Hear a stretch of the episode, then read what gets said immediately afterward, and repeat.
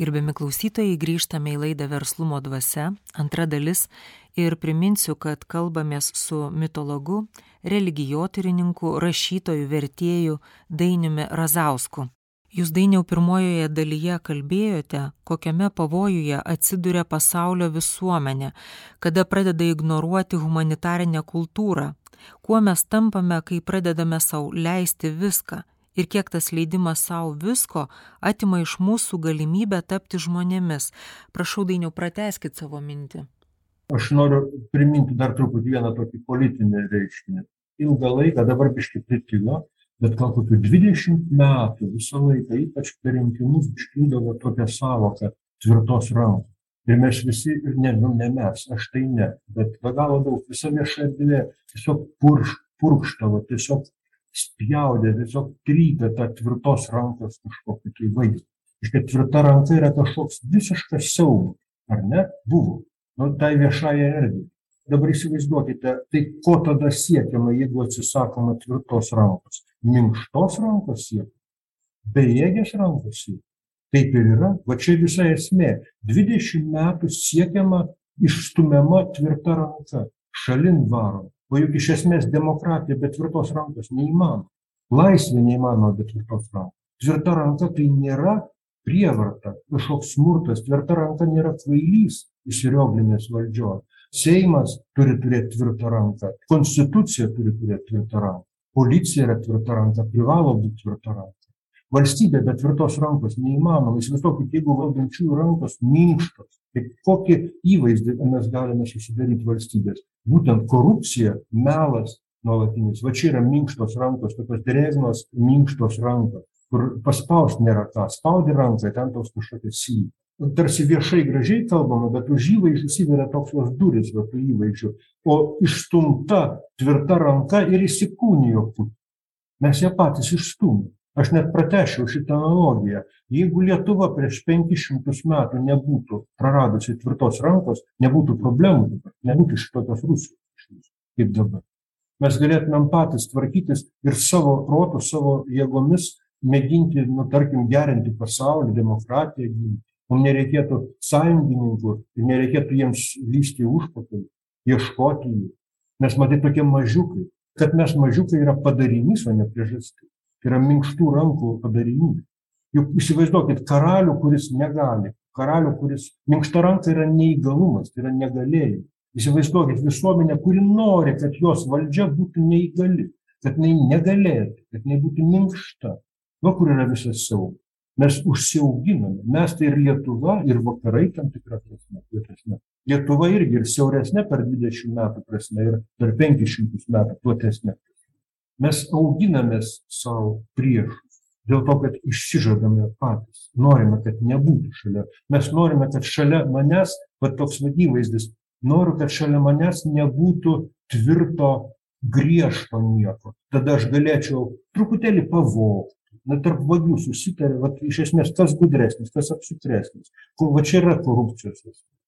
Kažkaip tai, va, lyg ir minkštai, taip minkštai kažkaip taip susitarė. Tvirtos rankos tvirta ranka, žinokit, yra svajonė. Kaip svajonė karalius. Karalius yra svajonė, nes karaliaus įvaizdėje yra nepaprastai daug. Tarp kitko, tai, kad Lietuva nedrįsta savo valdovų karaliais vadinti, irgi ženklas. Labai sunku stiprų ženklas. Bet matot, pripažinti tvirtos rankos poreikį, būtinybę, pirmiausia, kiekvienas turėtų pats savyje, kad jam reikalinga tvirta ranka ir ne kad kitas būtų jam tvirta ranka bet būtent jo viduj kad veiktų tas tvirtos rankos principas. Štai kai mes kalbam apie kad problema yra ta žmogiškumo ar ta žmogaus mokyklos griežtumas. Mokykla turi būt griežta tai nereiškia kad vaikus reikia mušti. Tiesiog griežtumas iš pradžių išorinis jis suformuoja stuburą žmogui kuris po to tampa jo vid nu drausmė išorinė pereina į vidinę drausmę. Žmogus negali tapti viduje drausmingas prieš tai nebuvęs drausmingas išorėj vaikystėj tai jeigu manyje yra galimybė potencialas bet kada tam pragarui užgimti per kurį aš tą pragaro būseną galiu apkrėsti aplinką. Tai kaip ta tvirta ranka manyje o juk manyje tų realybių viduj yra daug žmogus juk nėra vienas jis yra dualus mes dažnai kartojam apie tai. Kas manyje yra ta tvirta ranka kad galėtų suvaldyti tą blogį tą pragarą visada yra pavojus taip jeigu perkėlus vaizdinį tarkim iš vidaus žmogaus į išorę į visuomenę visuomet yra pavojus kad kažkokius įrankius griežtos valdžios įrankius užvaldys tarkim netikęs. Šito išvengt čia grėsmė šita yra nuolatinė. Bet nepriklausomai nuo to kaip mes formuluosim kaip mes įleisim ten ar nei teiksim ar neigsim griežtą ranką netgi tarkim galima griežtą ranką neigti visą laiką. O pavyzdžiui policijos viršininkas sau darys savo. Jis gali daryt niekšai slapstosi niekšai visada apsimeta. Nu čia religinis yra vaizdinys velnias visuomet mėgdžioja dievą. Tai bet jeigu eini gatve ir pamatai dievą tai tiesą sakant nereiškia kad tai dievas tai greičiausiai velnias jį mėgdžioja. Tai vadinasi apie tvirtos rankos atmetimą ko gero kalba pirmiausia pirmas nusikaltėlis kuris nori slapta savo naudai kitiems nematant ir kitų nebaudžiant pasipelnyti. Tai e, ginti tą kaip ir vidiniam pasauly ginti savo valią pirmiausia valią reikia turėti bet ta kita ranka yra valia o tada ją reikia ginti nuo tų tos valios potencialių subjektų. Bet sąžinės klausimas kas pasinaudos? Aš pavyzdžiui turiu kumštį bet kas pasinaudos tuo kumščiu? Kokia kokiais tikslais pasinaudos tuo kumščiu? Čia visai kiti klausimai juos šitie klausimai visada bus atviri. Jie niekada nebus taip kad mes vat staiga nusprendėme šitą klausimą uždarėme jis nuo per amžių amžius išspręs. Ir sakyčiau tokia pati viltis kad taip bus veda į pragarą nes esmė yra ne atsakymas esmė yra gyva sąmonė sąmoningumas nuolatinis budrumas. Sau ir per save tada ir pasaulį kitiems bet neturėti valios reiškia iš esmės net ir budrumo net ir tarkim ugdyti budrumui irgi reikalinga valia jeigu tu staiga vieną dieną supratai kad tau reikia kad tu nu jautiesi nepakankamai budrus nepakankamai sąmoningas tau atsirado vektorius atsirado nauja kryptis naujas poreikis poreikis sąmoningumui tarp kitko čia yra stebuklas. Retas kuris pasakys žmogus kad aš per mažai protingas bet tai yra proto pradžia. O tas vienintelis iš tikrųjų ir bus protingas. Ne ta prasme protingas kaip rezultatas o protingas kaip galimybė nes kol žmogus nemato savo sąmoningumo stokos jis nėra sąmoningas. Čia toks yra paradoksas labai keistas šitoj vietoj. Tai šitam sąmoningumo ugdymui irgi reikia valios. Jeigu tu vieną dieną supratai kad tau trūksta sąmoningumo ir neturi valios tu pamirši tai kitą dieną. O valia yra kaip tik ta galia pasukti vairą. Jeigu tu važiuoji automobiliu staiga supratai kad ne ta kryptim važiuoji ir jau supranti ir kryžkelė po kryžkelės o tu vis važiuoji ta kryptimi kurią supratai esant netinkama nes neturi valios vairui o juk reikia paimt vairą ir pasukt dainiau bet e, tvirtos rankos principas juk jis kyla iš tos tokios idėjos kad žmogus turi turėt tokį gyvenimo tikslą tokią idėją kad ji būtų daug didesnė už jo paties gyvenimą ir jeigu tokių žmonių yra daugiau tada tos tvirtos rankos principas ir e, jos metodai visi jie yra ne tai kad pateisinami jie privalomi būti kad galima siekti tos idėjos to tikslo. Aš kitaip dabar tą pačią padėtį dar kitaip persakyčiau. Tikrovėje yra toks dėmuo kaip jėga. Ja šiaip tai neutraliai tariant tai yra energija tikrovė turi tokį jėgos dėmenį jinai nėra visiškai tokia nusususi. Jinai turi nu tarkim perkūnas vat užeina audra perkūnija kad daužo vėjas ten siautėja trankosi reiškia yra tam tikros ten išlydžiai energijos. Tikrovė yra aplink mus ir viduj. Iš viso tikrovė yra energinga tikrovė yra jėga. Jeigu mes išsigąstam dėl vienos ar kitos priežasties arba kažkokių savanaudiškų slaptų norų įgeidžių pradedame neigti tą jėgą tą energiją tikrovėje esančią. Mes ją bandome išstumti mes bandome įsigyventi tokią tikrovę kurioje jėgos tarsi nėra. Vat žaisim vaikų smėlio dėžėj ten jokio tėvelio nėra. Nieko neatsitiko mes pradedame neigti jėgą mes tą jėgą išstumiam mes jos atsisakom bet jinai nedingsta iš tikrovės. Jinai tiesiog atsiduria kitų rankose. Jeigu aš išsižadu jėgos jinai atsidurs kito rankose valstybės mūsų išsižada jėgos jinai atsidurs kitų rankose. Mes 500 metų išsižadam jėgos ir jinai visą laiką atsiduria kitų rankose. Jeigu jėga yra tavo rankose, tu turi galimybę ją nurūpintis jos panaudoti. Turi galimybę pats būti atsargus, pats būti sąžiningas, pats stebėti save ir žiūrėti, kad tavyje neatsirastų motyvas tą jėgą panaudoti blogai. Bet jeigu nėra kitų rankose, tu neturi šitos galimybės. Tu jau esi jo auka. Tai tu nuo jo priklausai, jam norėsi su tavim gerai elgtis ar nesinorėsi jam su tavim gerai elgtis. Tada tu tampi priklausom nuo to, kam atidavė jėgą. Jėgos negalima atiduoti.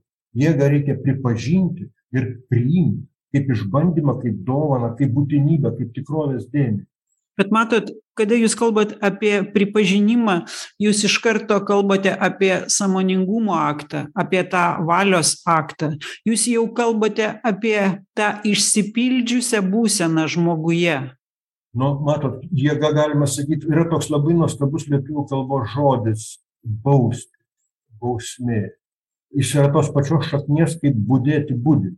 Šiaip bausti gramatiškai reiškia daryti, kad nubusti tai šitaip žiūrint čia labai gilus šitas žodis vienas iš tų inkliuzų atskleidžiančių senosios tradicijos galimybes visuomenei senąją tradiciją iš esmės bausmės sąvoka iškyla tokia.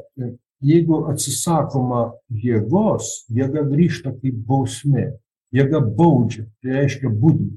Jeigu tu pats atsisakai busti tai tikrovė tau spirs tai kažkoks geras posakis buvo spyris į užpakalį tai yra spyris reikiama kryptimi. E, matot dainiau mes vėl sugrįžtame prie to paties iš principo nuo ko ir pradėjome kad šitas nuolatos atsikartojantis pragaro kaip sapno įvaizdis išgyvenimas ką mes kalbėjome ir yra mums kaip galimybė tas kartojimas ir kartojimas to paties žiūrint per istoriją per vidinę mūsų kelionę?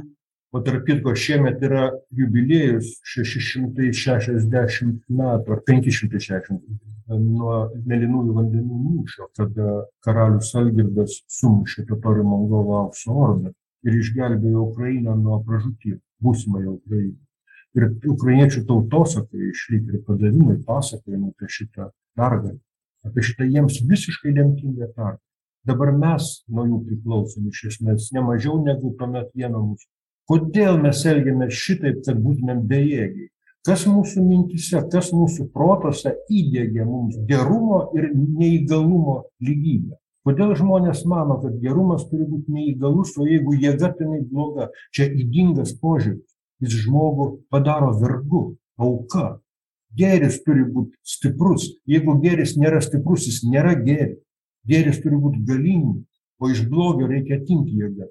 O čia esmė kada ateina kaip jūs manot kiek žmogus turi prisapnuot kiek jis turi savy stebėt ir išorėj tą tikrovę apie kurią jūs kalbat kad jame gimsta tas prabudimas jog tie daiktai kurie stovi aplink mus jie suklaidinti jie pavadinti ne tais vardais Tarp kitko, Konfucijus ten kažkur yra kalbėjęs, kad kada kažkas jo paklausė, ką jis pirmą darytų, jeigu gautų valdžią, sako, pirmiausia, ištaisyčiau vardus jeigu jūs dabar gautumėt tokią galimybę štai mes čia apie sapnus kalbam apie vaizduotę susitiktumėt vytautą ką jūs jam norėtumėt pasakyt Egdūnas Račius labai gerą mintį pasakė.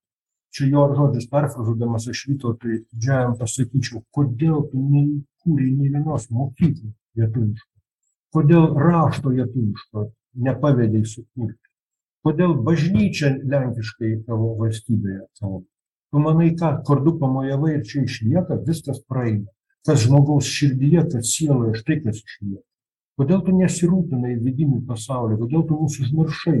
Kodėl tau turtai ir blizgučiai buvo tokie svarbūs pernelyg svarbūs vien tik svarbūs nu viskas jums jau galva nukirsta? Yra tautosakoj mitologijoj nukirstos galvos kalba gal net byloja. Tiesą sakant gal net iš viso kol galvos ant kūno jos dar net, net neturi teisės prabilti bijo. Nori gyvos likti. O tik tais vat riedančius galvos gali kalbėti tai su vytautu pakalbėjom. Dainiau vis dėlto mes toj savotiškoj sapnavimo pragare būsenoj. Vieni bando joje teisingai maitintis kiti fiziškai daugiau sportuoti kiti skaityti apie meditacijas bet yra taip kaip yra. O jūs kalbat apie prabudimą. Jūs kalbat kaip tas stebėtojas. Lyg jums pavyko iš to ištrūkti ir jūs galite apie tai kalbėt jausdamas tą kartėlį kaip tai atsitiko? Kas įvyko? Čia jūs gundat negundyk šėtone sakoma. Pagalvoti kad esi nubudęs yra užsimiršti visiškai. Čia yra baisus pavojus. Tada kitaip jūsų paklausiu. Štai jūs matot tą pragarą kad sapnuojat svetimą sapną? Matot sapnuot svetimą sapną negalima. Galima mėginti savo sapną priskirti kam nors kitam ir įsivaizduoti kad tu jame niekuo dėtas nesutikčiau su tokia laikysena bet šitam sapne mes esam vienam bendrai visam katile visi kartu ir dėl to nuolat būdami vienas su kitu vienas su kitu bendraudami vienaip ar kitaip labai įvairiai galima gali atsiskyrėlis tarkim su niekuo nesusitikdamas knygą rašyti. Ir ta knyga vis tiek yra bendravimas žmonių. Nes kai kurių atsiskyrėlių parašytos knygos labai smarkiai paveikia žmoniją duoda labai daug pažinimo. Tai tas bendravimas gali būt įvairus nebūtinai sakau kad reikia būtinai trintis ten troleibuse ar stumdytis bet būdami vieni su kitais vieni tarp kitų mes nuolat vieni kitus veikiam. Norim to ar nenorim neišvengiamai ir jeigu rūpiniesi savimi jeigu rūpiniesi jeigu stebi save ir stebi kaip tavyje įvairios jėgos įvairūs motyvai įvairios paskatos tavyje veikia ir kuri ima kuri ketina imti viršų ir paima ar nepaima ar tu atiduodi jai viršų ar ne. Jeigu tu stebi jeigu tu sieki šviesos savyje tai tu savaime veiki ir aplink save. Ir nėra kito būdo. Negalima pasakyt va aš dabar savim nesirūpinsiu aš dabar kitais pasirūpinsiu. Viskas jau toliau kelias į pragą nes kol tu rūpiniesi šviesa savyje tai tu savaime rūpinies ir šviesa tarp mūsų visų. Tai vėlgi aš grįžtu prie to nuo ko pradėjome prie humanitarinės kultūros. Kaip ją bepavadinti prie sąžinės prie dėmesio į vidų dėmesio vidui vidiniams dalykams mintims jausmams vaizdiniams vaizduotei. Ir tada per bendravimą kuris yra neišvengiamas tada tai sklinda spinduliuoja tai eina tolyn. Aš noriu sugrąžinti pamėginti atgręžti žmogų į save sugrąžinti žmogų prie savęs nes apsimetimas yra toks pagunda irgi apsimesti kad vat aš iš tikrųjų dabar neturiu laiko čia sau aš kitais rūpinuosi tai yra klasta tas kuris nesirūpina savim negali kitais pasirūpinti nes jis nežino ką daro. Jis galbūt daro labai blogai tarkim įduoda ginklą moksleiviui kuris eina į mokyklą šaudyt ar kažką panašaus. O jeigu žmogus rūpinasi savim gali atrodyt kad jam kiti nė motais bet iš tikrųjų struktūros tų pasaulių išorinio ir vidinio jos analogiškos jeigu tu randi teisingą santykį viduje tarp tam tikrų konfliktuojančių susikertančių jėgų arba tiksliau nerandi o ieškai nes nesigirt radau yra nu sakyčiau džiaugsmas tai tada tos jėgos tampa tavyje sąmoningos jos pradeda rasti savo vietą. Ir tada po truputėlį galbūt gali kažkiek tai tos šviesos įnešti ir į išorę. Bet jeigu tu viduje užsimerki tai iš kur tada ta lauke šviesa?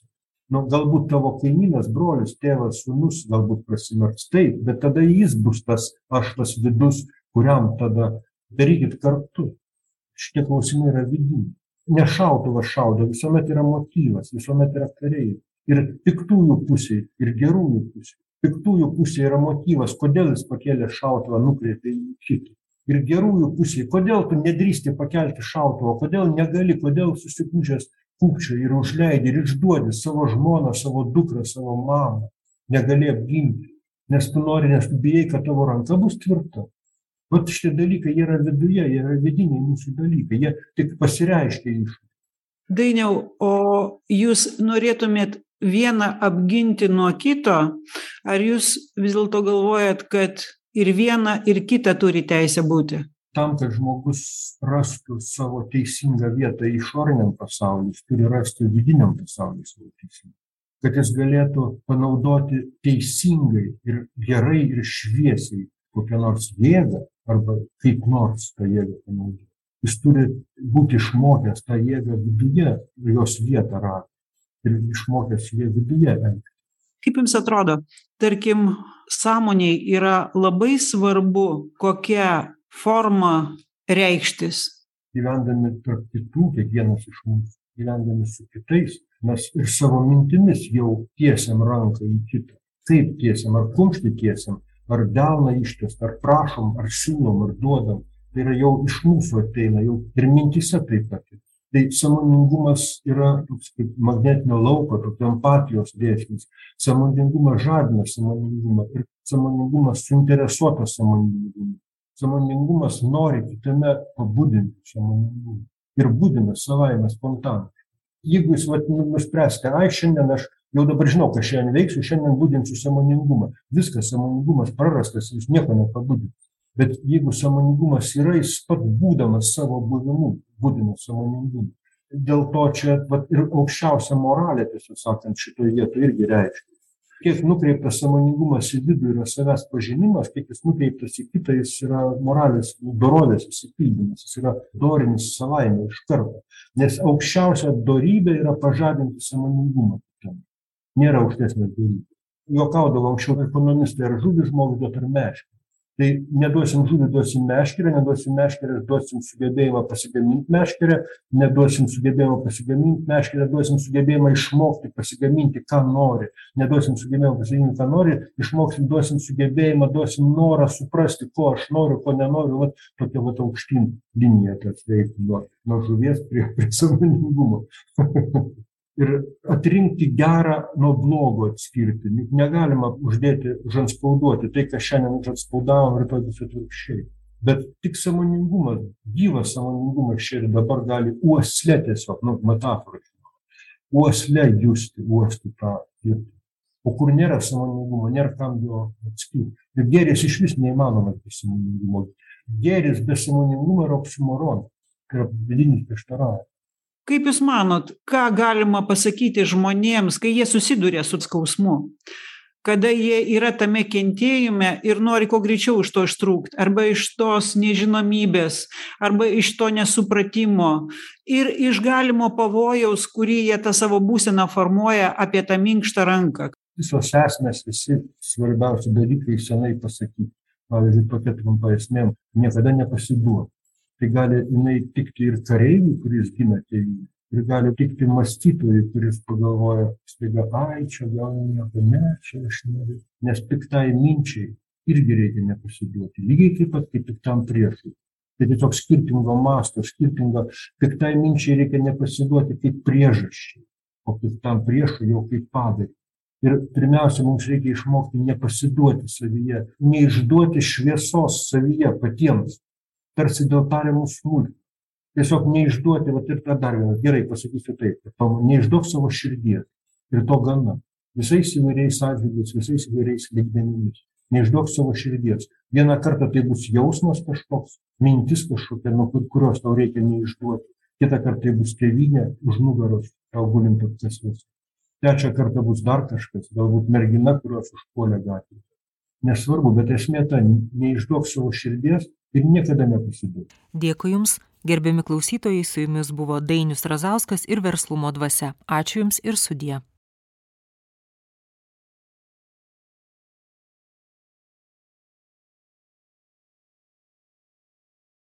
Sveiki gerbiami žinių radio klausytojai, su Jumis laida Verslumo dvasia. Šiandien mūsų svečias Dainius Razauskas, lietuvių mitologas, religijotyrininkas, rašytojas, vertėjas. Labadiena, Dainiau. Labadiena. Gerbiamas Dainiau, praėjusiame mūsų pokalbė jūs palėtėte daug dalykų, kurie tiesiog pildėsi laike. Tikiuosi galėsite plačiau apie tai pakalbėti. Mes tiesiog galėjome juos atpažinti per vykstančius įvykius. Ir būtent jūsų pamastymai apie šiandieninę situaciją, apie tą neįsipildžiusi samoningumą, kuris vis dėlto mumise yra, bet negauna progos įsiskleisti. Kai matome įvykius, kuriems sunku duoti pavadinimą ir ypač ta jūsų mintis, kad žmonės turi pabusti, bet tas pabudimas yra toks kiekvieno individualus valios aktas, kad žmogus pats savo viduje turi prieiti prie sprendimo, kuris turi įvykti. Jūs minėjote tada, kad galbūt tam įvykti padėtų chirurgo prisilietimas. Ar tas chirurgo peilio pramatymas jums išsprūdo, ar tai yra toks žinojimas akimirkoje, kuris įsipildo čia ir dabar, arba ne. Prašau, Inga. Labadiena, Dainiau. Kas jums yra pragaras? Aš nesakysiu, kas yra man pragaras, gindėlė. Bet mano paties nuomonės ir mintis yra susidarę, nu ne šiaip ne iš piršto, o išskaitant, kalbant, kitaip sakant, iš kitų per kitus žmonės. Kai kurios mintis man priimtinos, pasirodė, kai kurios nepriimtinos, tai atitinkamai tiesiog man atsirinkti, kaip ir kiekvienam iš mūsų. Man visiškai nepriimtina mintis, kad pragaras yra geografinė vieta kad būtų galima eiti į kairę arba į dešinę, arba ten aukštyn, arba žemyn, tarkim, nors mes įpratę prie to žemyn, prie to, kad pragaras yra pačioj. Ir būtų tada galima prieiti, kitaip tariant, pragaras vat, yra čia ir dabar, vat, mes galime nu, kažkur tai nušachtininkai, pavyzdžiui, speleologai, leisdamės į žemės gelmes, tarsi artėti prie pragaro. Manau, kad šiais jau mokslo amžiais toks požiūris būtų tiesiog anachronizmas, jis yra būtų arti beprotybės pragaras yra iš viso erdvės netgi samprata. Čia turėtų būti įvedama kita. Pragaras yra mūsų būsenų projekcija, kada mus apsupa, nu tarkim, sapne, mus apsupa tai, kas mumise verda mes patenkame sapne, mes čia sapnas geras yra pavyzdys, nes sapnas yra mūsų pačių raiška, tarsi be mūsų lik nieks nedalyvauja. Nu, yra viena iš priežasčių sapno, kad galbūt išoriniai dirgikliai kūnui kažką tai, ten kokia musė tau įropinėja, o tu sapne ten kažką matai. Bet čia mažuma tokių, daugiausia tų priežasčių sapno glūdi mumise. Sapne mūsų vidus mus apsupa iš išorės, va čia ypatinga sapno savybė ir tada mes esame toje nuotaikoje išsipildžiusioje vaizdais tarsi erdvėje aplink mus. Tai pragaras yra tokios rūšės erdvė. Tai yra vidinio siaubo išorinė raiška, vidinio įtūžio, vidinės neapykantos, vidinio pykčio išorinė raiška. Jeigu širdie labai daug pykčio, jis, tarkim, sapne gali pasireikšti per tam tikrus vaizdinius. Tarkim, kad ir karas gali būti, jeigu sapnuoji karą, tai gali būti vidinio konflikto, labai ryškaus, labai įtempto, labai skaudaus vidinio konflikto. Čia aš kalbu išeinu iš savo kompetencijų, perinu į kažkokią psichologiją, kuris šiaip jau neturiu teisų. Bet man būtent tokia pragaro samprata yra ir primtina, ir supranta. Rojus atitinkamai irgi tam tikrų būsenų, tam tikrų vidinių būsenų išorinė raiška. Vėlgi kaip sapne ir šitą jeigu mes va tokį priimam vaizduotės pasaulį beje čia toks irgi jeigu mes skirsime paprasčiausią fantazavimą nuo vaizduotės kaip sielos veiklos kaip mūsų sielos organo čia irgi ne visai mano mintys šiaip prisipažinsiu visos mano mintys yra. Kaip visi žodžiai lietuvių kalbos kuriais aš kalbu yra ne mano sugalvoti. Lygiai taip pat visos mintys mano sakomos ir nėra mano jos visos yra vienaip ar kitaip jau skaitytos ar girdėtos. Tai čia tą reikia kažkaip aš turiu to prisipažinti, nes ir tai, ką dabar sakau, yra ne visai mano. Yra toks Korbenas, 20 amžiaus pirmoji pusėje, prancūzas gyvenęs. Iš tai yra kelias knygas parašęs apie tai labai įtaigės, apie vaizduotės reikšmę žmogaus gyvenime. Kad vaizduotė yra tiesiog sielos organas. Kad kai siela gyvena ir prabyla, jinai prabyla vaizdiniai. Ir visi vaizdiniai, kuriuose mes skendime, yra sielos raiškos padariniai ir pati sielos raiška. Materialus pasaulis yra tarsi į vieną pusę nuo vaizduotės, ir tarkim, grinų savokų pasaulis, abstrakčių savokų pasaulis į kitą pusę. O per vidurį yra vaizduotė, kur savokos įgyja kūną, o įvaizdį, vaizdą įsikūnė tarsi tame įvaizdyje, o vaizdiniai įgauna prasme ir va tas prasmės ir vaizdinio juk mes įpratę manyt kad pavyzdžiui vat kažkokie vaizdiniai nu maža ką va tokie ir tokie. O čia vat mintys vat jos neturi savo veido jos tiesiog abstrakčios jos jas reiškia gali nagrinėti logiškai. Tai per vidurį yra vaizduotės erdvė kurioje kūnai įgauna prasmę o prasmės įgauna kūnai ir iš esmės nu sapne galima sakyt jau jeigu mes galime aiškintis ką reiškia vat sapne va tam toks ir tas va toks įvykis Tai vadinasi, manome, kad tas įvykis, kad tie dalyviai to įvykio yra prasmingi, jie kažką mena. Ir e, kitaip nebūtų prasmės aiškinti. Pavyzdžiui, pravažiuoja traktorius pro langą. Tai ką reiškia traktorius? Nu, nieko jis nereiškia, savo keliais važiuoja. O sapne gali reikšti. Vadinasi, toj vaizduotės erdvėjai daiktai mūsų supantys, žmonės mūsų, jie įkūnija tam tikras prasme. Jas reikia atpažinti, jas reikia išaiškinti. Bet vat esmė tokia, kad vaizduotės pasaulyje, mūsų sielos pasaulyje, daiktai reiškiniai turi prasme, o mintis turi kūną. Dainiau, kodėl mūsų siela pasirenka išgyventi pragaro būseną kaip nuolatinį tą sapno kartojimąsi? Tai manau, kad tiesioginio tokio pasirinkimo su tokiu įvardymu, tokio abstraktaus pasirinkimo nėra. Niekas turbūt nėra pasirinkęs pragą. Bet kai žmogus renkasi mintį, renkasi jausmą, nes jausmo galima nesirinkti. Net priartėjusio jausmo, kuris tave jau grėsia apimti, galima jo nepasirinkti.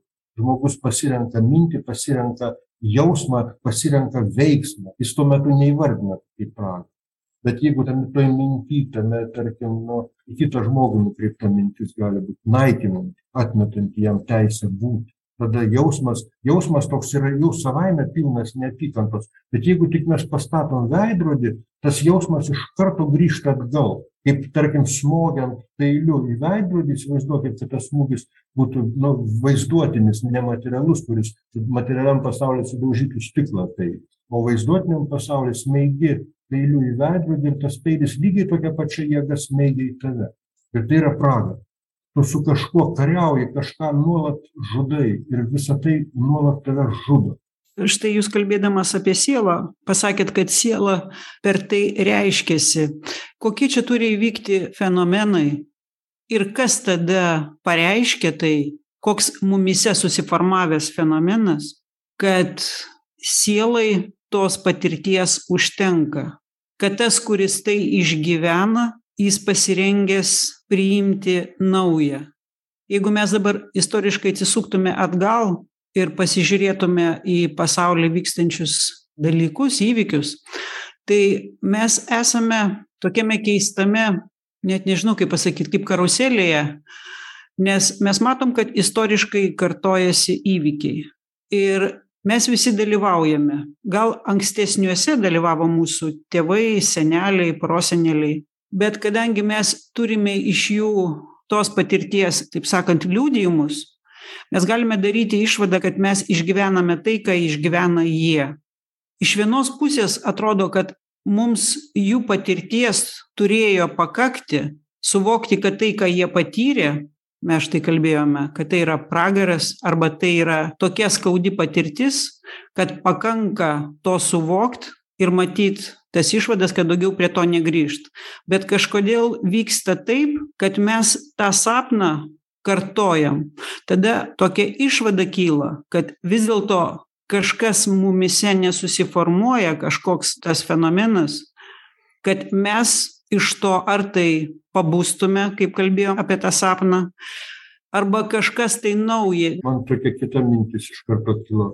Dar ne taip seniai vienas iš vilniaus universiteto rektorių viešai kalbėjo kad humanitarinės kultūros kaip ir nereikia. Reikia tiktais technologinių mokslų. Technologijos mūsų gyvenimą tik gerins gerins gerins ir gerins. O humanitariniai mokslai kam kapstytis po kažkokias tai nesąmones tai vat šitos nesąmonės yra viskas.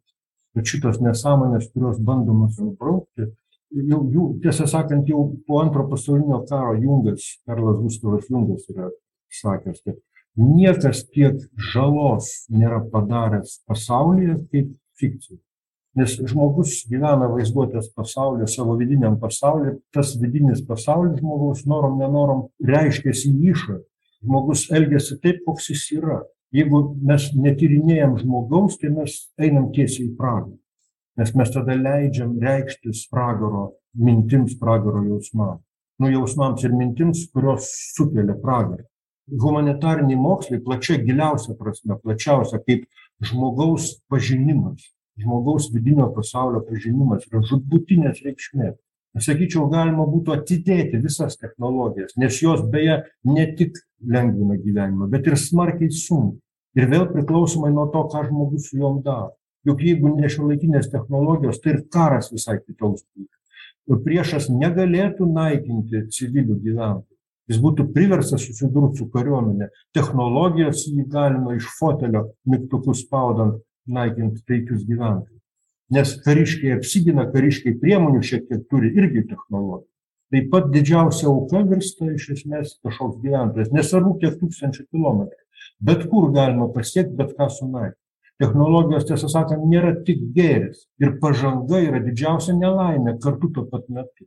Nes jinai, įsivaizduokite, nusikaltėlį, kuris pristoja prie jūsų ir nori atimti pinigus, piniginę atimti arba mobilų telefoną.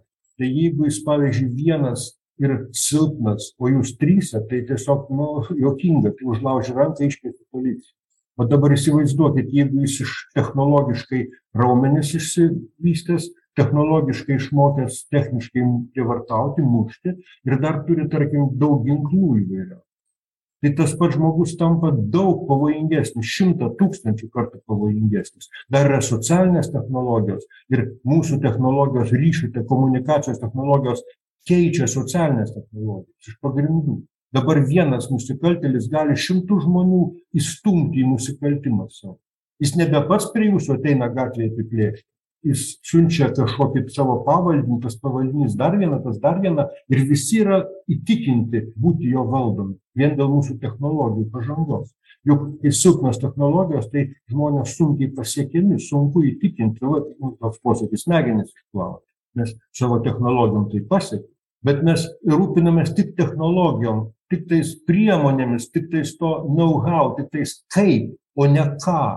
O štai humanitarnė kultūra yra atsakymas, nu ne atsakymas, bet klausimo, ką ir kas tyrinėjai. Ir šiuo atveju, kol mes nesiaiškinam, kas ir ką, tai yra netyrinėjom žmogaus vidaus, minčių, minčių šaltinių, jausmų, būsenų, e, visos ištiso pasaulio šitų reiškinių. Mes įduodam nusikaltėliams ginklus į rankas. Iš esmės pažanga technologinė be humanitarnės ne tik kad nusikaltimas, bet vat jūs pradėjot pokalbį nuo pragaro. Tai yra kelias į pragarą. Kas tam dainavo, Way Down to Hell, tokia daina buvo. Ir yra kelias. Technologinė civilizacija be humanitarnės kultūros, tai yra pragaras, galima apibrėžimą tokį padaryti. Tai dabar jūs paklauskite to rektoriaus, kaip jis iš viso rektorium tapo, šitoks kvailas žmogus. Kaip galima šitaip kalbėti? Reiškia, įsivaizduojat, kol yra taika, mes į tokias nesąmonės nurėdam. Leidžiam savo tokiais nekais užsimti, tokius kliedesius, aukščiausių laipsnių mokslininkai šitaip nusišneka ir nieko reiškia savo mintis. Dėl to, kad taika yra labai pavojinga iš kitos pusės žmonėms, nes jinai leidžia jiems kvailėti, be galo. Ypač soti tokia taika, kada reiškia perteklius viso. Tiesiog atsėdėk sėdmaišiuose visos smegenys, visi tokie protai, tokie išpabliūri, kūnai tokie liula, kaip tokie riebalų kūdros. Tai kodėl, kaip Jūs manot, kur čia vyksta kažkoks susikryžminimas kokių dalykų, kad žmogus sėdėdamas ant sėdmaišio, valgydamas piragą ir gerdamas Coca-Cola, tiesiausių kelių, mažais žingsneliais keliauja pragaro link? Tai toks įvaizdis yra žinoma nei kokakola nei tas sėdmaišis nei tas pyragas šiaip atskirai paimti savaime nieko dėti. Čia yra įvaizdis.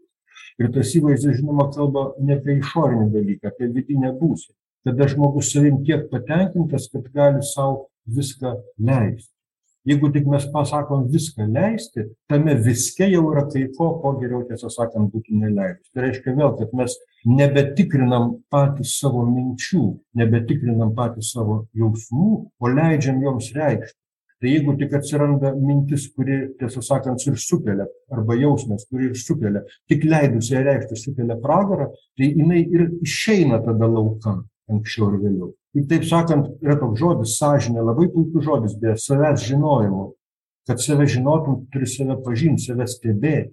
Ne be reikalo jau europos kultūros ištakose delfų šventyklos virš durų užrašas buvo pažink save. Galima taip sakyt jeigu vat anas kelias kur viskas man leista kur aš viską galiu ką tik ranka pasiekiu kelias į pragarą tai kelias į rojų turi užrašą pažink save. Tik pažindamas save tu gali įvertinti ir atrinkti, stebėti. Ir labai nustepti kartais, kad pasirodo, tu esi niekšas. Nes tu leidi tai minčiai praslysti pro save, tam jausmui, tam veiksmui, praslysti pro save ir tapti atliktam kūnui. Tik sąžinė gali šitoje vietoje. Sąžinė ne tik, kad tik, jinai pati ir yra šitas savęs pažinimas, savęs žinojimas, įvardinimas mūsų šito žodžio tai tam pirmiausia žmogaus sąmonė turi atsigręžti į save vadinasi ne tik į išorę ne tik į tą pyragą ir į tą kėdę į tą kūnišką patogumą bet į save į vidų į tai kas aš esu ką aš darau kas yra yra toks įvaizdis iš rytų atėjęs akis apversti į vidų. Mes dabar mūsų oboliai akių nukreipti į išorę. Metaforiškai kalbant, reikėtų akis apversti taip, kad jos žiūrėtų į vidų, pamatytų tą vidų, suprastų, kiek daug, kad pusė pasaulio yra vidus, kaip veidrodžio ta riba. Ir visuomenėje būtent šitą funkciją, šitą vaidmenį vidaus tyrimo atlieka humanitarinė kultūra. Tai yra labai plati savoka humanitarinė kultūra, bet jos užduotis pagal apibrėžimą yra žmogaus įdirbimas, žmogaus įdirbis homo reiškia yra čia humanitarinė, o kultūra yra įdirbis. Tai pažindamas save žmogus įdirbas. Kultūringas žmogus ne tas, kuris manierų išmoksta, o tas, kuris yra save įdirbęs, pažinęs ir įdirbęs. Va čia yra humanitarnės kultūros esmė. Va šitoje vietoje tai yra iš esmės beveik, kad, nu, rytietiškų terminų tariant, beveik joga. O joga tai yra jungas, tai yra, nu, kaip žmogus, kuris dirba lauką, pajungęs jaučius. Tai toks įvaizdis ir yra, nu, gali būti arklys, nuo žodžio artai irgi pajungtas darbas. Ir tu tą savo vidų, save kaip lauką įdirbi išorį. Vadinasi, išverti žemę, dirvą, prari vėlėnas, pažiūri, kas yra, kas yra tavo mintis, iš kur kyla tavo mintis, tavo jausmai, kas dera tavo dirboje, kas užsėjo ją pagaliau. Ir tada, kai tu ją įdirbi, pažįsti, tu gali ją pats užsėti, gali ją įdirbti pats, prižiūrėti. Bet tai yra humanitarnės kultūros esmė. Žinoma, jinai reiškiasi ir per knygas, ir per muziką, ir per koncertus. Nes muzika irgi yra žmogaus sielos augalas. To žmogaus, va, kompozitoriaus sielos dirboje užauga štai šitoks medis ir neša tokius vaisius. Vaizdžiai kalbant. Bet vaizdžiai kalbėti yra paprasta ir aišku. Tik nereikia įvaizdžių sutapatinti su daiktais. Taip, jūs vis dėlto gražiai pasukote klausimą ir iš principo jūs jį atsakėte bet vis dėlto pakartosiu tą klausimą gal kitu rakursu kodėl žmonija kiekvieną kartą turėdama galimybę pažinti save klausytis muzikos skaityti knygas kodėl jinai atsiduria kare? Ar čia yra kaip jūs manot čia vien yra dėl to kaltos išorinės jėgos ar politinės socialinės ekonominės sąlygos? Kiek tame dalyvauja pats žmogus ne tik kaip socialinė būtybė ne kaip individas kiek jame tame visame procese dalyvauja jo žmogus esantis jo viduje jo tas žmogiškumas. Kiek jisai suvokia kad tai ką jisai daro nes kodėl taip klausiu? Pavyzdžiui paimkim putiną. Klausai sako nu jis neįsivaizdavo kad čia galvojo per dvi dienas ir viskas bus sutvarkyta. Klausai kitų baideno baidenas irgi neįsivaizdavo kad čia galvojo nu rusai ateis ukraina susitvarkys čia nieko nereikės nei padėt. Vokiečiai vėl įsivaizdavo taip britai vėl taip įsiv visi visos valstybės įsivaizduoja. Atskiros vyriausybės vėl kažkaip tai įsivaizdavo. Mes lietuviai vėl kažkaip įsivaizdavom kad bus vienaip. Šiandien matom jau truputėlį yra kitaip. Jūs štai kalbat apie tą žinojimą apie tą vidinį žinojimą kuris yra mumyse ir kurį mes galime gauti per išsimokslinimą per kultūrą tarkim ir per protingą technologijų naudojimą. Bet štai mes vis dėlto susiduriam akistatoj kad yra kažkas tai kitas kas lemia. Technologijos yra nepaprastai pavojingos reikia tą turėt omeny. Aš dar palyginčiau su tarkim paprastą rankinį grąžtą jeigu dar kas nors tokį prisimena ir elektrinį grąžtą. Bet jeigu tau rankinis grąžtas nusprūsta nu tai įbrėžia tau o jeigu nusprūsta elektrinis grąžtas jis suvaro visiškai tau ranką taip technologijos reiškiasi ir visuomenėj visuomenės mastu. Taip bet šitas pasaulis tikrai pilnas muzikos pilnas gerų knygų poezijos pilnas gerų filmų apie šviesiausius dalykus pilnas gausybės žmonių pastangų kažkaip gyvenime įsitvirtinti ir gyventi. Aišku ne visada jos daug kam dabar reikia šiandien už tas pastangas ir mokėt bet vis dėlto mūsų ta žmogiškoji identifikacija šiandien yra pati didžiausia problema. Ir ar ne jinai paskelbė karą mums patiems mumyse prašydama reikalaudama kad mes ją atvertume? Turiu tokių šiek tiek minčių kad karas šitas yra kaip tam tikras užmirštos mūsų piktybiškai užmirštos tikrovės prasiveržimas jeigu tikrovė nu tikrovė yra tai kas yra iš tikrųjų tikra tu negali jo apsukti negali manipuliuoti negali apgauti turiu galvoj ne kažkokį tai išorinį, būtinai materialinį pasaulį, bet ir vidinę, apskritai tikrovę visumoje. Tai, kas tikra, yra nepasiduoda manipulacijos. Ir jeigu tu tą tikrą tempi, tempi, tempi, nu, kažką į vieną pusę vis nori, nori, kažko vis nori nepaisyti, kažką vis nori užrinti, kokią lasdą lenktum, lenktum, lenktum vieną pusę, po to paleidimi kaip metai. Kažkas tokio, kaip tikrovė prasiveržia neprašyta, nenori, neprašoma, nenorima. Jeigu tu atimi iš jos galimybę reikštis sąmoningai, protingai, tada jinai prasiveržia visiškai nepaisydama tavo prietarų. Čia pavojinga nusišnekėti šitoje vietoje. Dainiau Inga dabar turime sustoti ir gerbiami klausytojai, laukiame jūsų po pertraukos antroje laidos verslumo dvasia dalyje.